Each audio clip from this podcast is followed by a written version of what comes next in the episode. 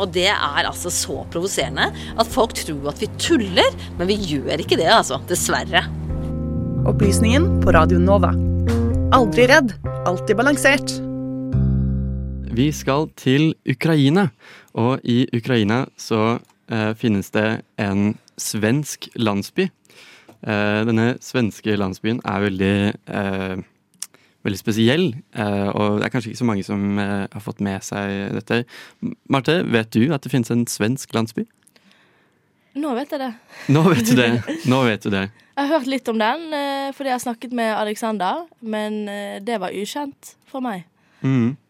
Så det var jo dere to som satt her i går og, og klippet og holdt på og sånn. Eh, men Emma, hva hvis jeg sier gammel svensk by? Er kanskje ikke Ukraina som er det første du, du tenker på der, eller? Nei, absolutt ikke. Da ser jeg litt for meg liksom, det samme nordmenn gjorde i USA. på en måte At man reiste dit som en samla gjeng og bosatte seg der. Så nei, det blir sykt spennende å høre om. For det, nei, jeg er spent på hva de tenker, liksom. Hva, hvor kom de fra? Hvordan havna de der? Ja, det er nesten eh, Det er kanskje det største, det største spørsmålet av, eh, av dem alle. Vi skal høre hva vår eh, reporter Alexander Klyve Gudbrandsen hadde å si om gammel svensk by. Kanskje har du fått med deg at Ukraina har hatt stor framgang med å gjenerobre nordlige deler av Kherson fylke i løpet av de siste ukene. Men visste du at innenfor den delen av dette fylket som fortsatt er under russisk okkupasjon, finnes det et sted med en befolkning med svenske røtter? Stedet heter Gammal Svensk by, eller Starosjvetske på ukrainsk. Og Det ligger et stykke nordøst for provinshovedstaden, som òg heter Kherson. Men hvorfor ble det grunnlagt en svensk landsby her, av alle steder? Vi må helt tilbake til 1700-tallet for å finne svar. Øya Dagø ligger i dag i Estland, men fram til 1721 var det en del av det svenske riket, før øya kom under russisk kontroll. Her fantes det en svensk befolkning.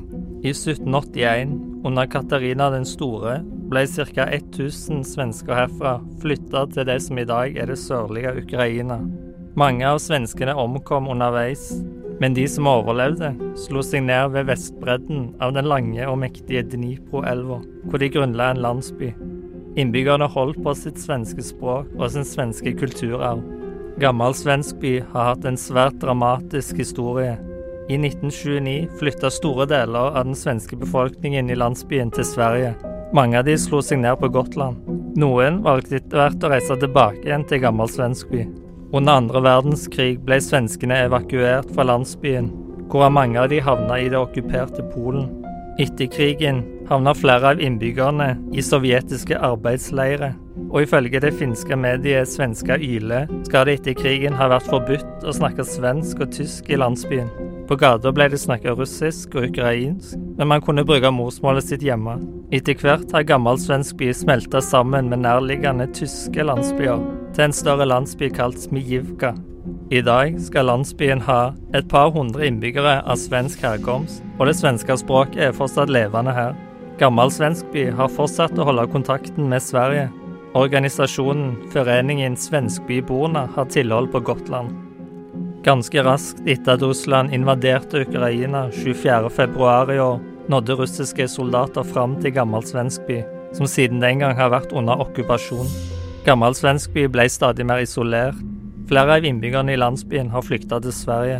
Og her ser altså koblingen til Sverige ut til å være levende. I slutten av september avholdt Russland det de kalte for folkeavstemninger, for å angivelig avgjøre om Kherson og tre andre ukrainske fylker skulle bli en del av Russland. Ifølge Russland ble det et flertall på nærmere 90% i Kherson fylke for det. Ukraina, Norge og andre land ansa disse folkeavstemningene for å være falske. Folk i gammel svensk by skal være urolige for å bli innkalt til den russiske hæren. Gammel svensk by ligger ikke langt fra fronten.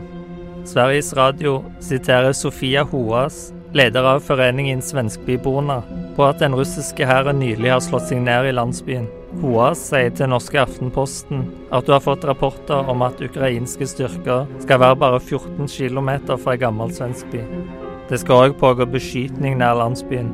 Sikkert er det at ukrainske styrker kommer nærmere. De siste dagene har flere landsbyer i Kherson fylke blitt gjenerobra. Tida vil vise om òg Ukrainas svenske landsby snart vender tilbake til ukrainsk kontroll. Det blir kjempespennende å følge med på det. Det var reporter Alexander Klyve Gudbrandsen med en rapport fra gammel svensk by.